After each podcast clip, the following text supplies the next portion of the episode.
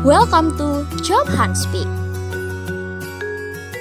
In this podcast, we talk about career development for millennials. So, let's begin. Hi Job Hunters, welcome back to Job Hunt Speak with me Salsabila Atira, Public Relation Intern at Job Hunt. Gimana nih kabar Job Hunters? Kuharap teman-teman dalam keadaan baik, sehat, dan tetap semangat ya tentunya. Di Job Hunt Speak kali ini, kita akan membahas mengenai Writer Career Prospect 101 bersama dua narasumber spesial yang tentunya expert di bidang ini. Nah, selain narasumbernya yang spesial, itu ada kayak martabak ya, spesial nih. Nah, di Hunt Speak kali ini juga uh, tentunya spesial karena momennya pas banget nih di tanggal 17 Mei yang merupakan Hari Buku Nasional. So, selamat Hari Buku Nasional ya Job Hunters.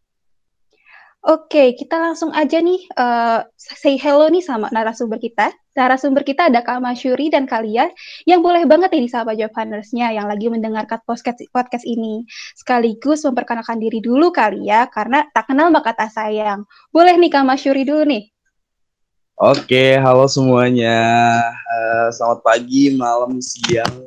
Uh, sebelumnya kenalin, nama aku uh, Muhammad Masyuri, bisa dipanggil Masyuri. Dan aku adalah penulis dari salah satu buku sci-fi Indonesia yaitu Destination Jakarta 2040. Oke, halo lagi semuanya. Wah, keren banget nih. Jadi Kak Mas Yuri ini merupakan book author dari Destination Jakarta ya? Bener banget. Wah, keren banget. Nah, kita kan udah ngobrol nih sama Kak Mas Yuri. Ada juga dari pihak editornya nih. Boleh nih kalian uh, untuk lihat juga memperkenalkan diri. Halo, halo, halo. Aduh, agak deg-degan ya. uh, aku Lia, aku editor novel dari penerbit Buana Ilmu Populer atau penerbit BIP. Uh, semoga semuanya yang ada di sini dan yang sedang mendengarkan uh, kabarnya baik-baik saja dan selalu sehat ya. Amin. Amin, amin. Karena lagi situasi pandemi gini ya tapi tetap iya, harus iya, berkarya. Cool, cool. Nah, sekarang aku lagi dikelilingin sama bicara yang keren-keren banget. Jadi Kak Lia grogi, apalagi aku grogi nih. nah, makanya biar groginya hilang, kita main games dulu kali ya. Nah, aku punya games nih. Nama gamesnya itu adalah What You Think, What You Say. Jadi, untuk konsepnya ini, aku akan menyebutkan sebuah kata. Nah, Kamasyuri serta Kalia harus menyebutkan satu kata yang langsung terpikirkan dari kata yang disebutkan oleh host. Itu aku. Aku kasih contoh dulu kali ya. Misalnya aku bilang startup pengembangan karir. Nah, Kalia atau Kamasyuri bisa langsung jawab nih, Jobhan gitu kan. Nah, tapi untuk sistem jawabnya nanti akan aku panggil nih siapa yang duluan uh, untuk jawab. Jadi harus konsen ya. Udah siap dari Kamasyuri sama Kalia? Boleh, boleh, boleh. Boleh, oke, oke. Oke, siap ya. Oke, soal pertama. Fisika, Kak Mas Curi. Uh, uh, hitung. Apa tuh?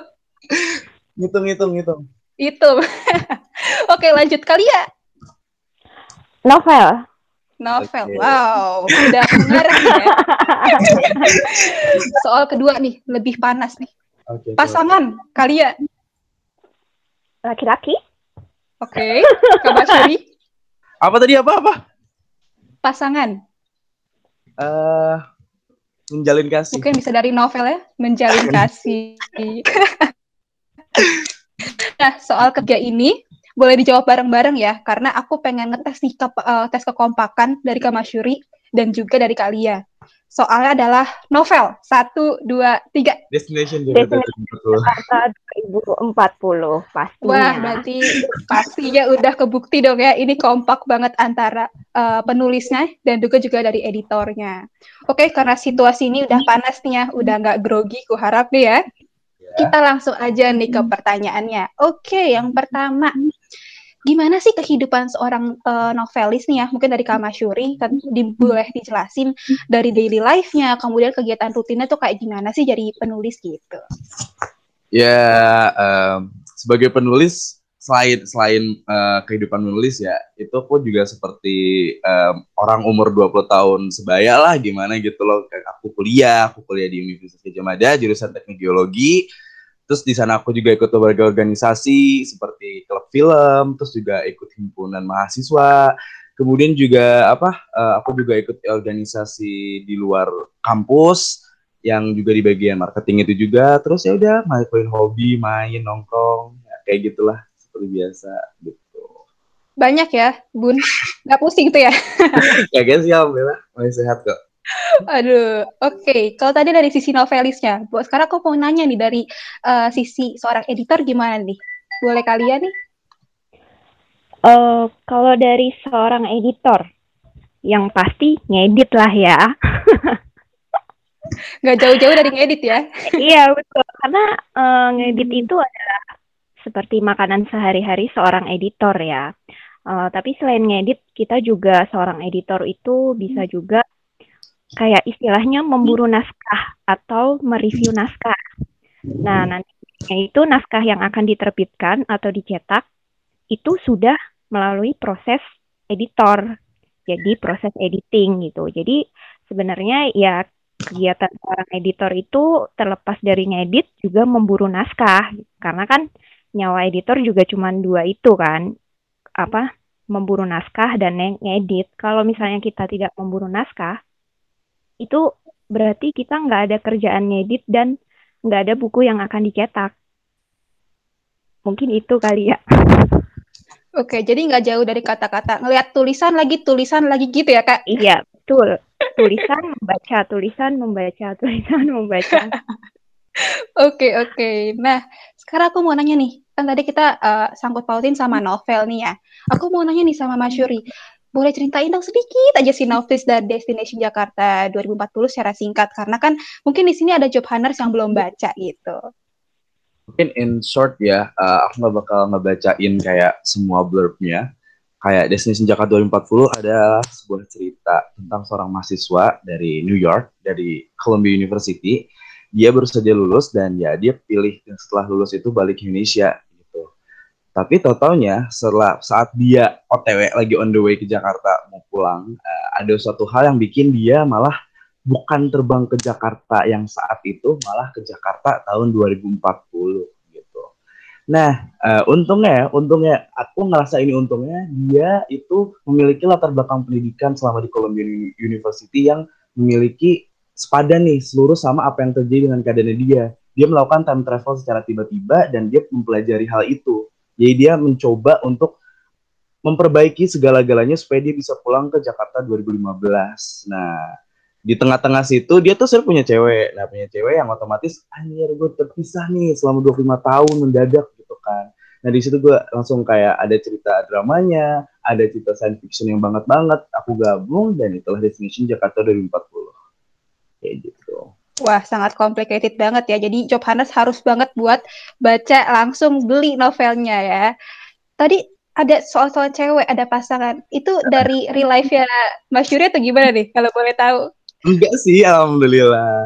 Enggak. Oh, enggak. Oke. Oke, lanjut nih. Nah, terus uh, kan tadi bikin novel nih ya. Terus awal nulis tuh pakai medium apa sih dan sejak tahun berapa gitu? Kalau awal nulis banget itu aku inget banget itu lewat free writing platform ya. Ya tau lah Wattpad gitu kan yang paling awal banget di tahun 2014 akhir tuh aku dikenalin sama aplikasi kuning ini gitu kan. Terus kayak ih seru juga nulis-nulis nggak jelas gini kan. Terus aku coba-coba aja tuh. Terus ya udah um, persis baru nulis suatu tulisan itu kayaknya pertengahan eh ingat aku tuh bulan Ramadan 2015 inget banget bulan Ramadan. Aku nulis tuh chapter uh, chapter prolog ala-ala tuh inget banget. Gitu sih. Jadi di bulan Ramadan berkah ya. Jadi uh, Ramadan sekarang iya. jadi terbitlah di Destination Jakarta 2040. Iya, Oke. Okay. Nah, tadi kan kita ngebahas uh, tentang sejak kapan nih Kak Masyuri mm. udah mulai nih bikin novel. Mm. Kalau misalnya dari Kak Lia, Sejak kapan sih mulai profesi jadi seorang editor novel dan apakah Mbak Lia ini juga hmm. berprofesi sebagai seorang novelis, Mbak? Jadi editor, hmm, ini aku cerita sedikit ya, Mbak. Hmm, aku boleh, jadi boleh. editor itu kurang lebih sekitar lima tahun yang lalu. Dulu tuh waktu awal masuk di penerbit BIP, itu jabatan aku itu seorang kartografer.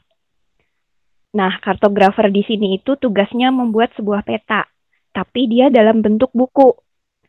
Nah, dulu itu ada buku judulnya Megapot Meg Megapolitan Map and Street Guide. Itu isinya seluruh peta Jakarta dan sekitarnya.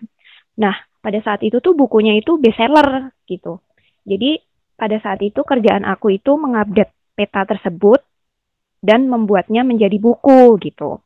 Tapi kan uh, seiring berjalannya waktu dan uh, tahun gitu ya, lama kelamaan tuh kan penjualan dari uh, kayak peta lipat, uh, buku buku peta itu tuh lama-lama turun drastis, turun drastis. Nah di situ manajer BIP, manajer BIP Mbak Noni itu memindah tugaskan aku menjadi seorang editor gitu kan.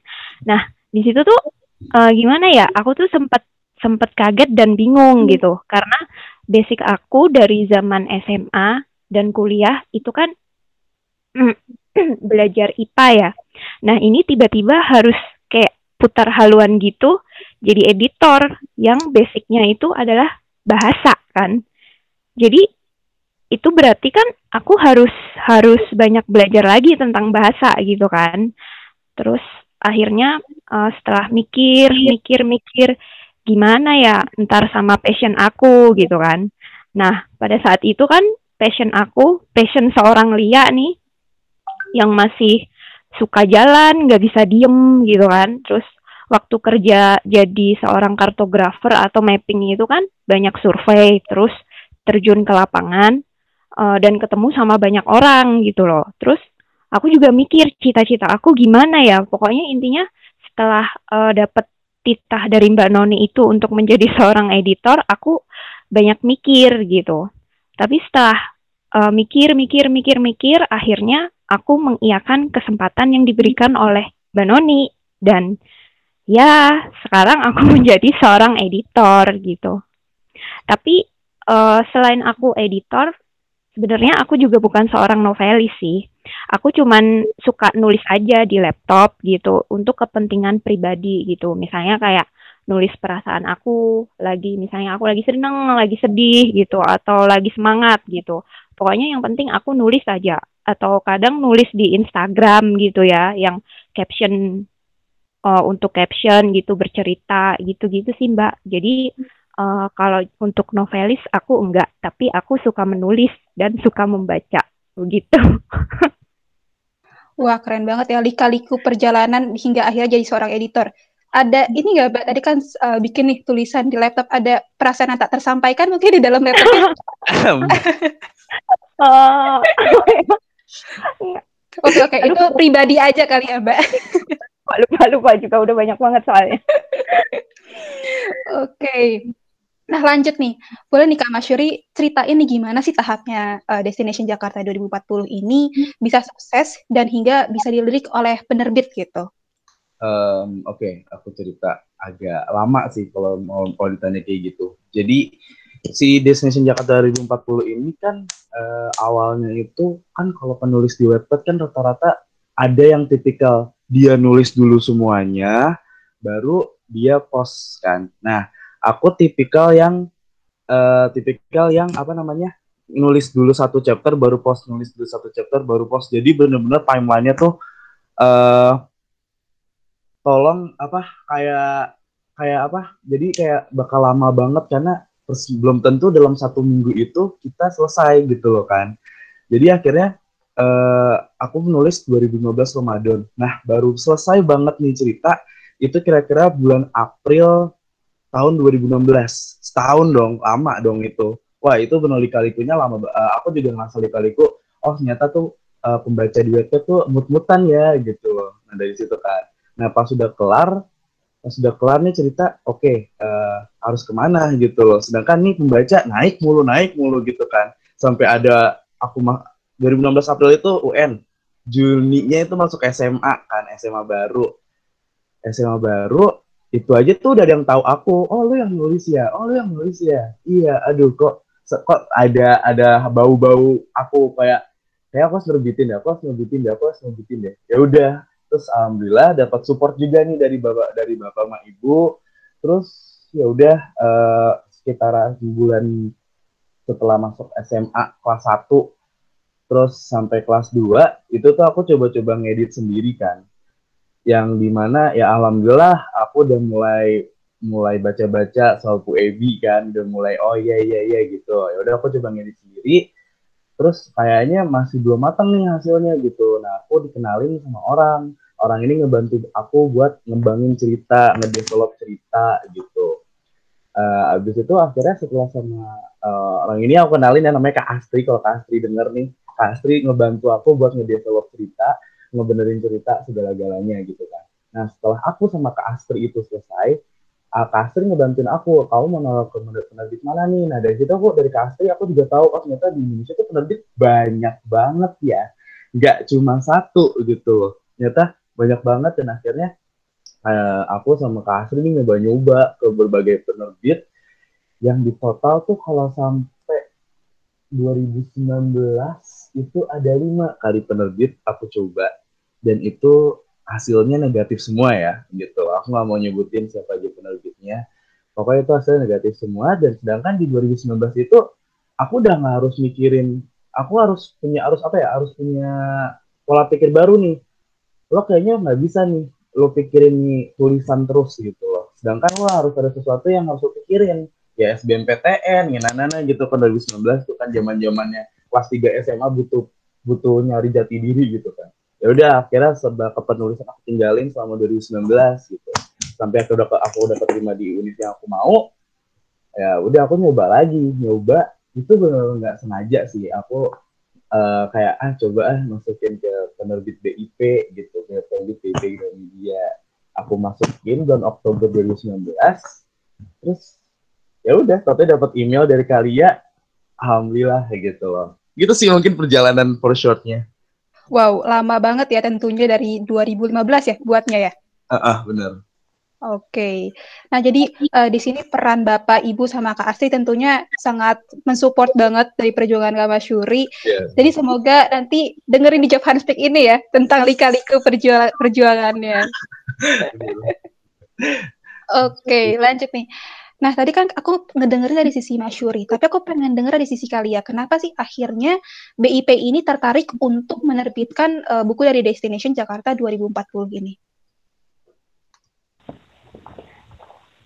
Um, kebetulan yang review naskah Destination itu kan aku sendiri kan. Jadi aku tahu banget nih awal mulanya naskahnya Dimas itu kayak gimana, terus sampai sekarang akhirnya jadi buku itu kayak gimana gitu kan. Nah, waktu aku baca itu sebenarnya aku loadingnya agak lama sih untuk mengerti maksud dari tulisannya si Dimas ini gitu kan. Jadi uh, seorang editor itu kan nggak cuman, maksudnya nggak cuman kita ngedit terus uh, udah sekenanya gitu, enggak. Tapi kan kita juga harus mengerti maksud dari si penulis ini, tujuan penulis bikin buku ini tuh apa gitu. Harus editor tuh orang pertama yang harus tahu gitu kan. Jadi di situ tuh pas waktu aku baca, aku benar-benar nggak ngerti maksudnya ini tuh apa gitu kan. Terus kayak tulisannya juga masih banyak yang bolong-bolong-bolong gitu, masih banyak yang harus direvisi gitu. Tapi aku suka temanya gitu, tema yang uh, Dimas ambil gitu kan tentang science fiction gitu.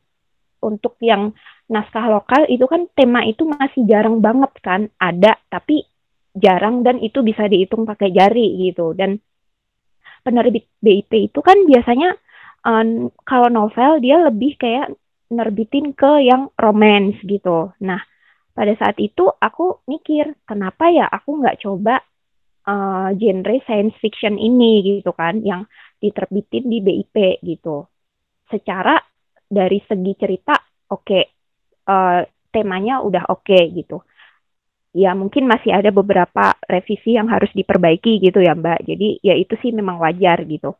Uh, terlepas dari itu, ya udah akhirnya aku setuju untuk menerbitkan karena uh, ceritanya bagus dan temanya juga masih jarang ya diangkat sama penulis-penulis lokal di Indonesia gitu. Makanya ya aku memberanikan diri untuk mengiyakan naskah itu, kemudian naskah itu aku oper ke superintendent. Apakah nanti si superintendent ini sepemikiran dan sepemahaman dengan aku gitu.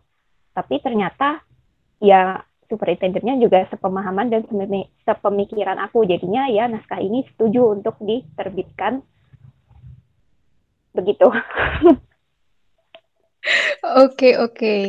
Nah, kalau misalnya kita ngomongin secara general nih ya kali ya, biasanya hmm. tuh uh, masa produksi untuk editor gitu, uh, melakukan editing gitu berapa lama sih, Kak? Hmm, untuk naskah lokal atau terjemahan nih? Oh, aku ngomong naskah lokal dulu ya. Kalau hmm. untuk naskah lokal itu biasanya sih satu sampai dua bulan. Satu sampai dua bulan itu untuk udah proses sampai desain ya, udah bikin cover, udah uh, pokoknya udah finish, udah benar-benar finish, tinggal cetak. Nah nanti kalau udah pras, proses masuk cetak itu uh, butuh butuh waktu lagi, ya kira-kira 1 sampai tiga bulan lah. Oke, jadi kalau bisa job hunters tertarik nih ya pengen kayak mengikuti jejaknya Mas Yuri bisa banget nih. Oke, terus habis itu uh, hal apa sih yang yakinin uh, Mas Yuri nih pengen ngelanjutin produksi buku ini sampai tamat dan akhirnya diluncurkan dan dapat dibeli di toko buku terdekat gitu kan tadi udah dibilang juga udah lima kali ditolak gitu itu apa sih yang meyakini Mas Yuri itu sebenarnya? Karena kalau yang yakinin diri aku untuk untuk nerbitin naskah ini karena aku udah apa ya lo udah ngeluarin ngeluangin waktu banyak banget. Lo udah ngeluarin pikiran lo banyak banget buat ngeluarin naskah ini gitu loh. Dan lo nggak mau kan kalau mis dan aku tuh punya rasa kayak uh, aku pengen orang-orang tuh juga seneng sama naskah ini. Nggak aku doang nggak kayak aku kayak oh aku udah ngeluarin naskah nih aku udah enjoy sama diri sendiri. Tapi aku tuh pengen orang lain juga nikmatin gitu loh. Itu pertama sebenarnya. Itu pertama yang bikin aku pengen banget si Destination Jakarta 2040 ini atau naskah-naskah yang next mungkin aku akan terbitkan itu pengen aku terbitin itu sih pengen gak aku dong yang seneng aku pengen semua orang seneng gitu kedua karena aku karena aku salah satu pencinta sci-fi dan aku udah udah nyari seluk beluk sci-fi di Indonesia aku tuh pengen masih pengen ada rasa gue pengen jadi pelopor banget deh untuk ngegebrakin sci-fi di Indo gitu loh. Karena semua watchlist di film itu sci-fi luar semua.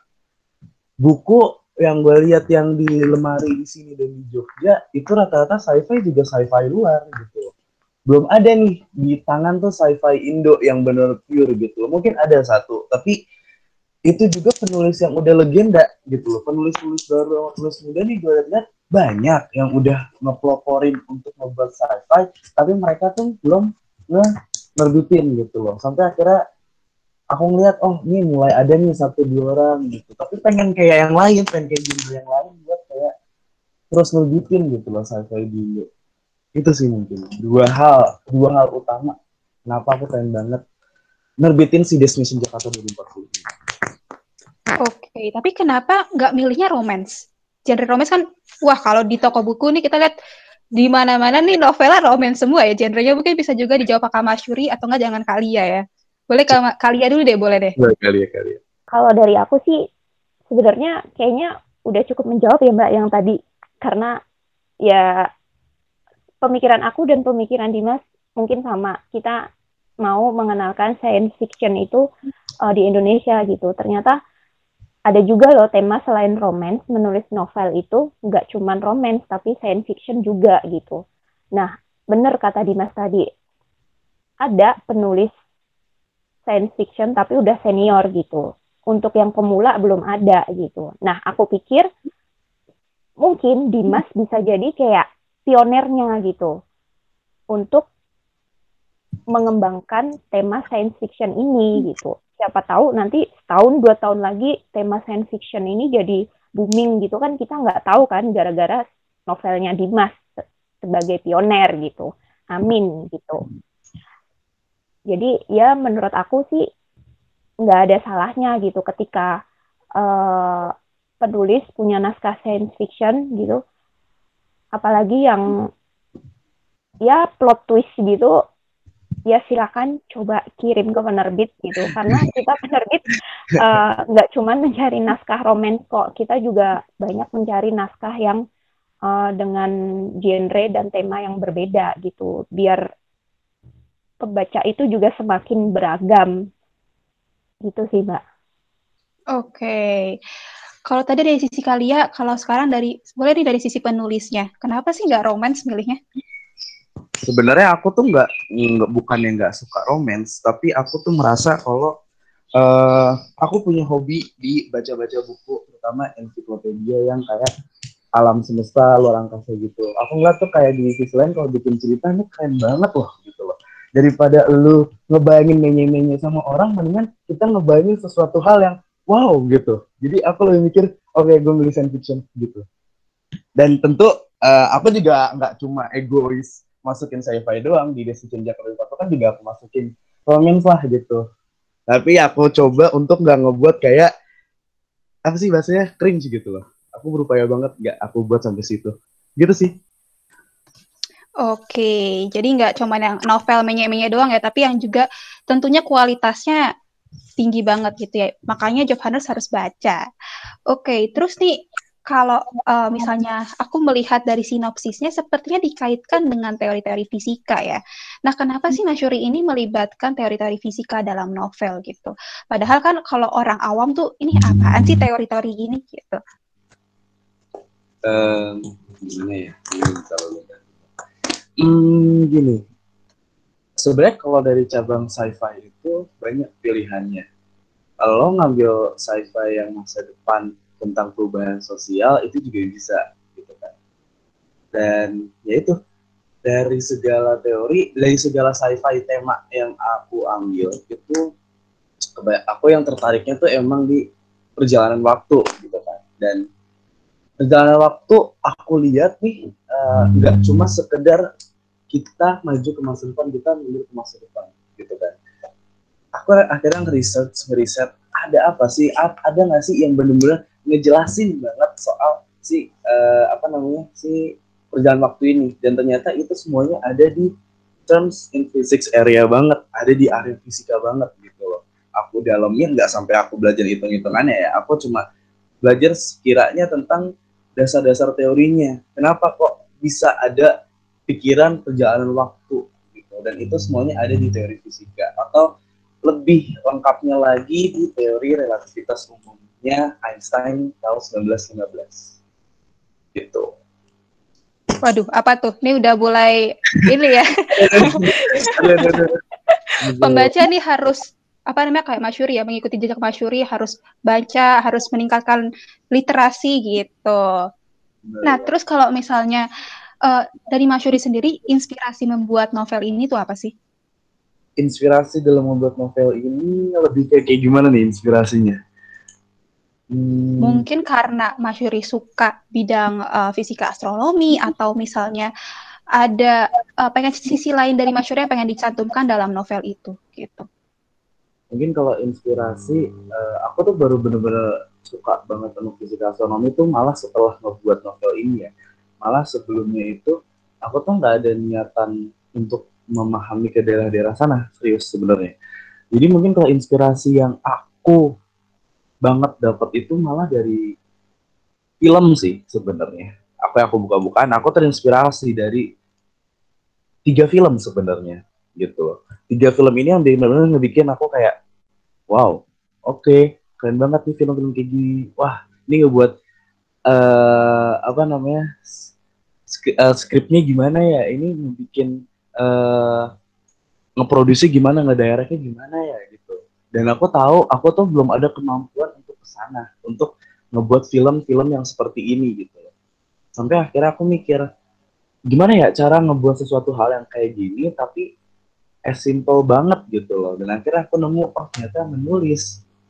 Mungkin inspirasi dari situ sih awal-awal. Karena nggak tahu cara memvisualisasikan ide dalam bentuk dari sesuatu hal yang aku lihat keren ya. Contohnya tadi aku aku ngerasa di film keren banget gitu tapi aku nggak tahu. Aku merasa nggak mampu untuk membuat sesuatu hal kayak gitu.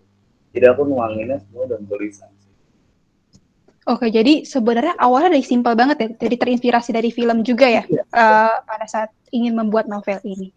Oke, terus aku pengen nanya nih ke kalian, kalau sebagai editor tuh pernah nggak sih ngerasain muak nih ya dalam dengan segala tulisan yang harus direvisi dari para novelis, khususnya yang masih awam, yang masih tadi kayak kata-katanya masih bolong-bolong gitu.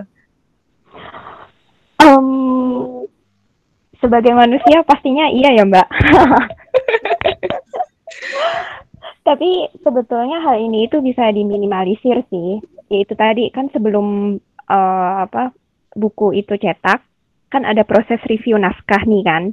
Nah, jadi naskah yang dikirimkan itu tuh uh, pada saat di review itu udah editor udah langsung ngecek nih, ini temanya menarik enggak? Bu Ebinya gimana? Berantakan atau enggak? Kalau misalnya itu berantakan dan menurutku temanya nggak menarik, udah aja aku langsung tolak gitu. Ini bukan jahat ya, tapi ya untuk memudahkan pekerjaan aku aja sih sebagai editor gitu. Tapi sebenarnya semua naskah yang masuk ke penerbit itu kita baca kok, kita benar-benar baca, kita uh, analisis gitu. Jadi uh, semuanya naskah yang masuk itu udah udah melalui saringan editor gitu. Jadi ketika pun itu ditolak, berarti ya memang penulis harus uh, belajar lagi entah itu dari puebinya atau dari temanya atau dari ceritanya yang nggak menarik gitu bukan berarti naskahnya itu jelek ya mbak. Bukan berarti itu jelek tapi ya sekarang bayangin aja sih mbak kalau misalnya nih uh, ada penulis kirim gitu tapi puebinya berantakan banget gitu. Wah itu mah nggak perlu dibaca lagi udah langsung tolak. Karena itu udah capek banget udah menguras tenaga banget. Mikir puebinya itu aja udah banget. Belum lagi nanti harus mikir ini jalan ceritanya gimana sih? Temanya gimana? gitu. Wah nguras tenaga banget. Jadi uh, kalau udah berantakan banget udah langsung tolak aja gitu. Gitu sih. Oke okay, sih I see. Nah terus kalau misalnya dari sisi Masyur ini pernah nggak sih ngerasain mogok nulis atau kehilangan arah dalam membangun cerita ini? Hmm, mogok nulis bahasa kerennya writer's block. Iya, yeah, aku ngasih namanya writer's block ya. Jadi si writer's block ini tuh pasti bakal nyerang semua penulis yang memang penulis gitu loh. Nggak cuma nggak cuma penulis novel doang, penulis skrip, jurnalis gitu-gitu pasti juga punya nama writer's block. Nah, kalau aku dari sisi penovelis ya kan kalau kalau ngebuat novel itu kan pasti jangka waktunya nggak cuma satu tiga bulan. Kalau aku selama aku ngebuat selama aku mencoba ngebuat naskah ya itu benar-benar pasti minimal itu years lah setahun gitu untuk bener-bener uh, at least draft pertamanya tuh keluar jadi gitu loh entah itu udah bagus atau belum gitu kan. Selama kalau misalnya setahun aku ngerasain writer's block aku tuh bener-bener bakal mundur dulu sih.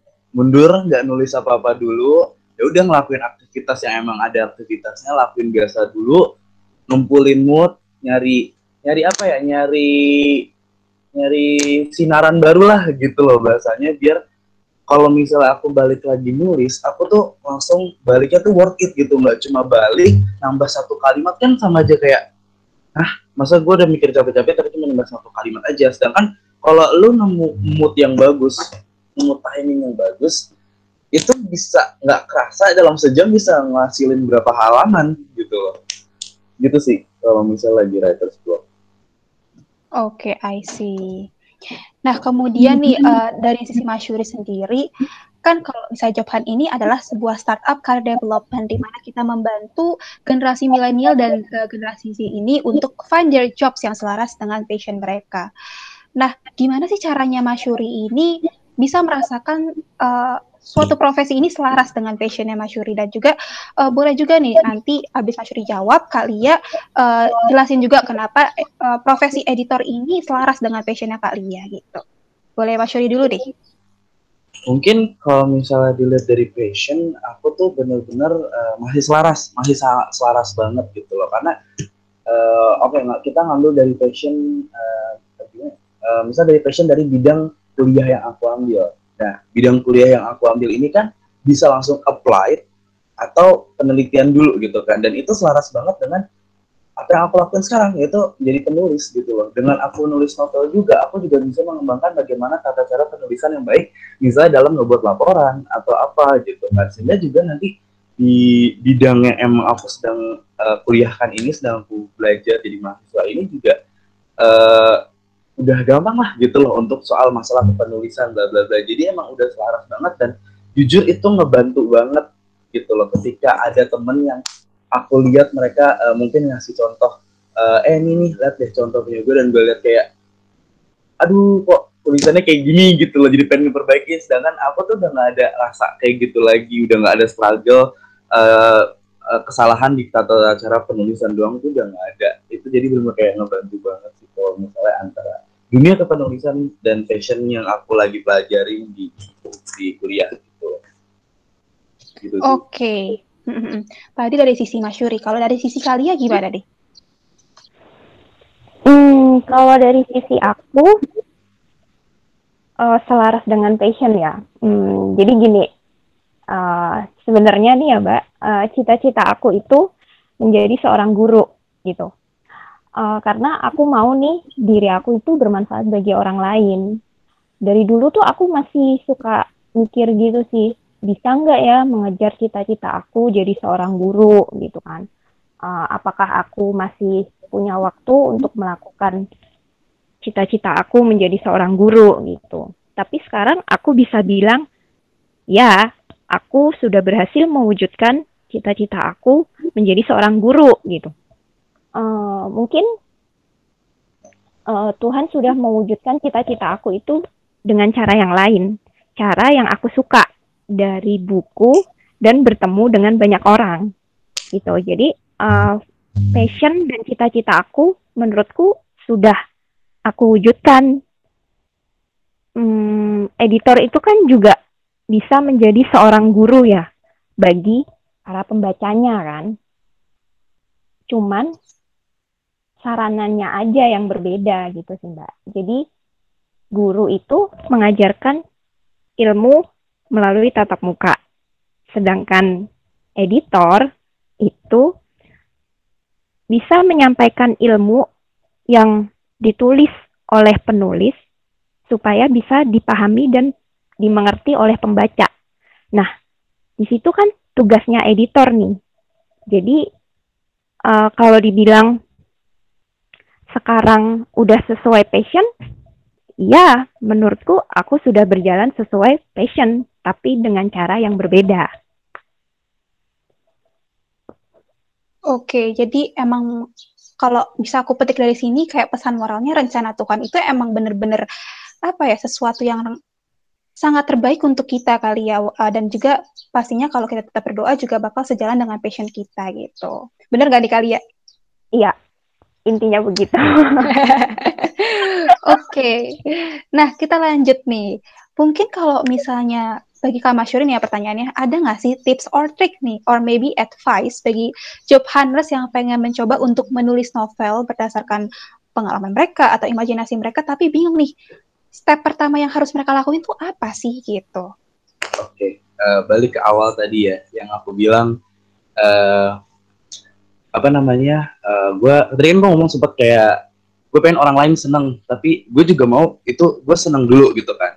Jadi cara untuk kalau emang mau jadi penulis yang mungkin bukunya karena gini menerbitkan buku itu itu cuma pilihan buat aku itu pilihan karena tujuan utama penulis itu adalah chopping coping tari dari kenyataan yang mungkin lagi depres lagi lagi sibuk banget gitu-gitu ya aku larinya ke nulis gitu loh. Jadi kalau emang mau menjadi seorang penulis kamu harus enjoy dulu nih dengan apa yang kamu lakukan dalam kurung nulis kan. Kalau kamu udah enjoy dan kamu sudah enjoy dengan hasil tulisan kamu lanjutin gitu loh.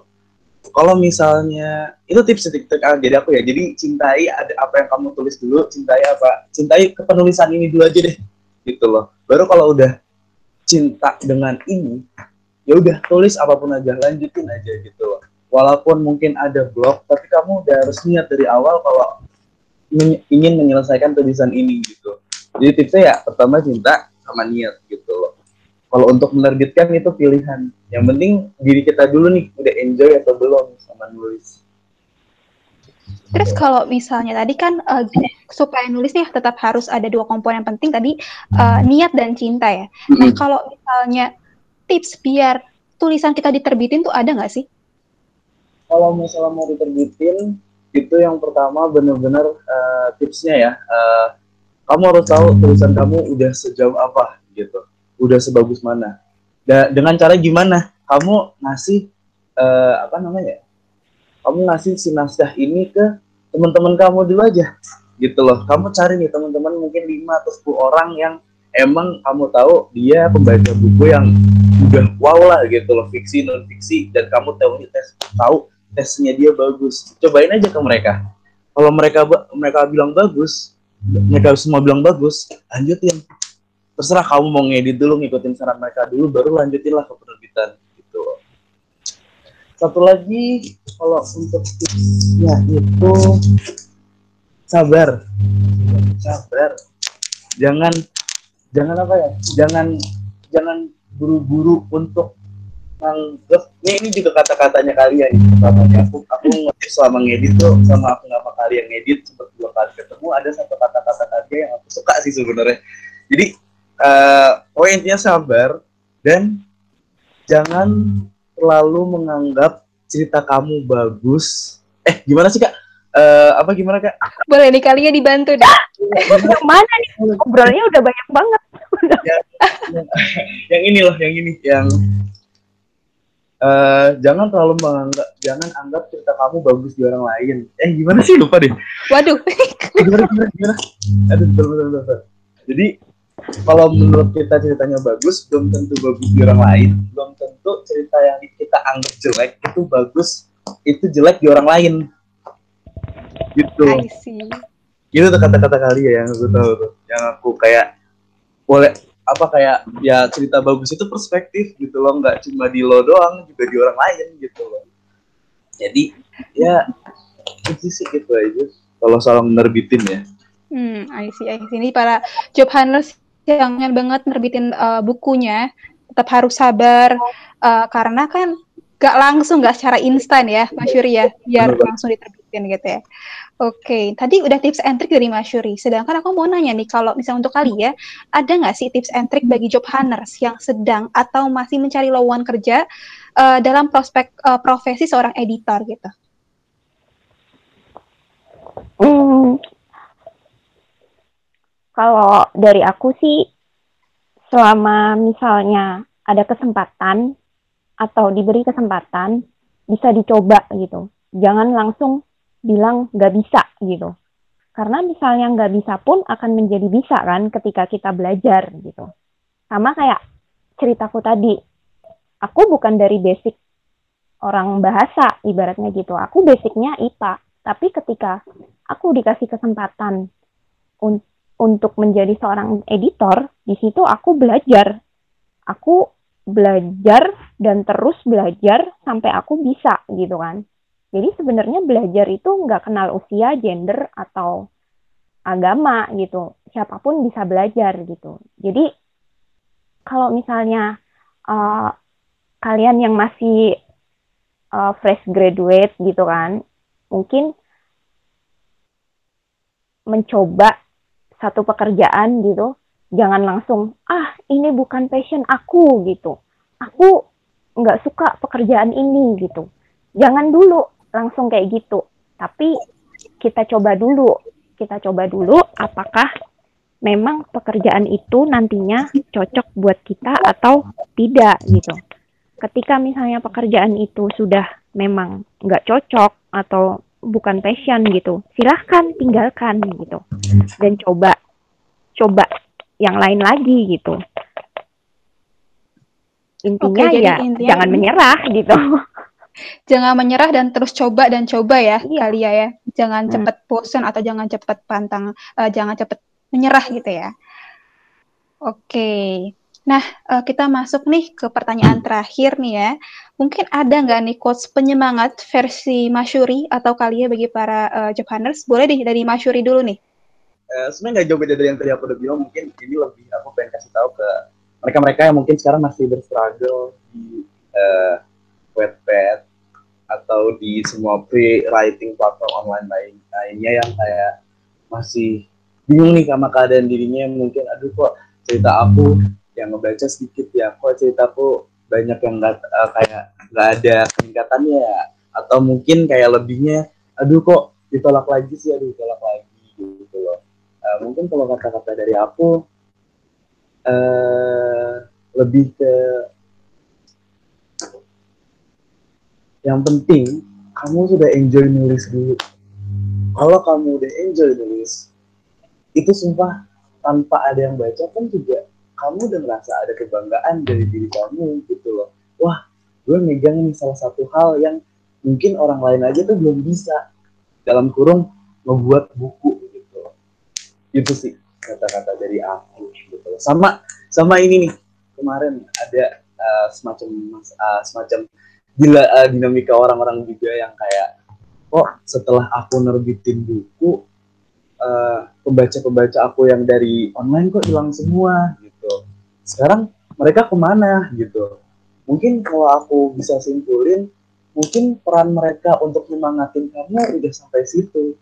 Dan ketika kamu udah menerbitkan buku itu udah masuk fase baru. Maka cari orang-orang lain yang lebih baru lebih besar lagi gitu. Itu sih kalau kata-kata dari aku jadi bukan quotes ya lebih kayak lebih masih tahu gitu bisa masuk motivasi juga kali ya para job ya. uh, bagi para job hunters. Oke, okay. mungkin kalau dari kalian nih Oh, kalau dari aku ya, hmm, buat kalian yang masih kuliah, menyusun skripsi atau berjuang mencari pekerjaan, tetap semangat dan jangan patah semangat. Gak apa-apa sih kalian mempertahankan passion atau cita-cita kalian gitu. Selama kalian masih berjuang dan terus bersabar, dan terus belajar. Sabar untuk mengerti apa nanti maksud dari Tuhan gitu. Karena Tuhan itu pasti akan mewujudkan keinginan kalian dengan cara terbaiknya gitu. Cara yang enggak kita sangka gitu. Jadi ya tetap semangat. Oke. Okay. Nah, uh, karena tadi udah job hunters nih udah dapat motivasi, quotes atau mungkin bisa dibilang sebagai kata-kata mutiara kali ya dari Mas Yuri dan juga kali ya. Nah, berarti ini menandakan bahwa job hunt speak episode kali ini harus berakhir sampai sini. Nah, thank you banget ya buat Kak Mas Yuri dan juga Kalia yang udah meluangin waktunya untuk bincang-bincang bareng Tira dan juga bareng job hunt. Mungkin kita bakal bisa kolaborasi lagi ke depannya kali ya, di, uh, Kalia dan juga Mas Yuri kasih boleh banget. Boleh boleh boleh boleh oke okay. karena nih Jobhan uh, pendengar Jobhan Speak pengen banget nih dengerin mungkin ada karya baru lagi nih dari Mbak Syuri atau misalnya uh, tiba-tiba kalian mengeluarkan sebuah novel gitu kali ya kak. Iya Oke deh. Oh iya, aku juga mau ngingetin nih untuk para job hunters, jangan lupa ya untuk follow Instagramnya Jobhan di @jobhan, J O B H U N. Di sana job hunters bisa dapat banyak informasi mulai dari layanan Jobhan seperti Jobhan Academy dan juga juga Jobhan S Career. Selain itu, job hunters juga bisa tahu tentang program Jobhan yang akan diselenggarakan seperti Jobhan Talks, Jobhan Speak, dan giveaway and content partnership. That's all from us. Thank you for listening and goodbye.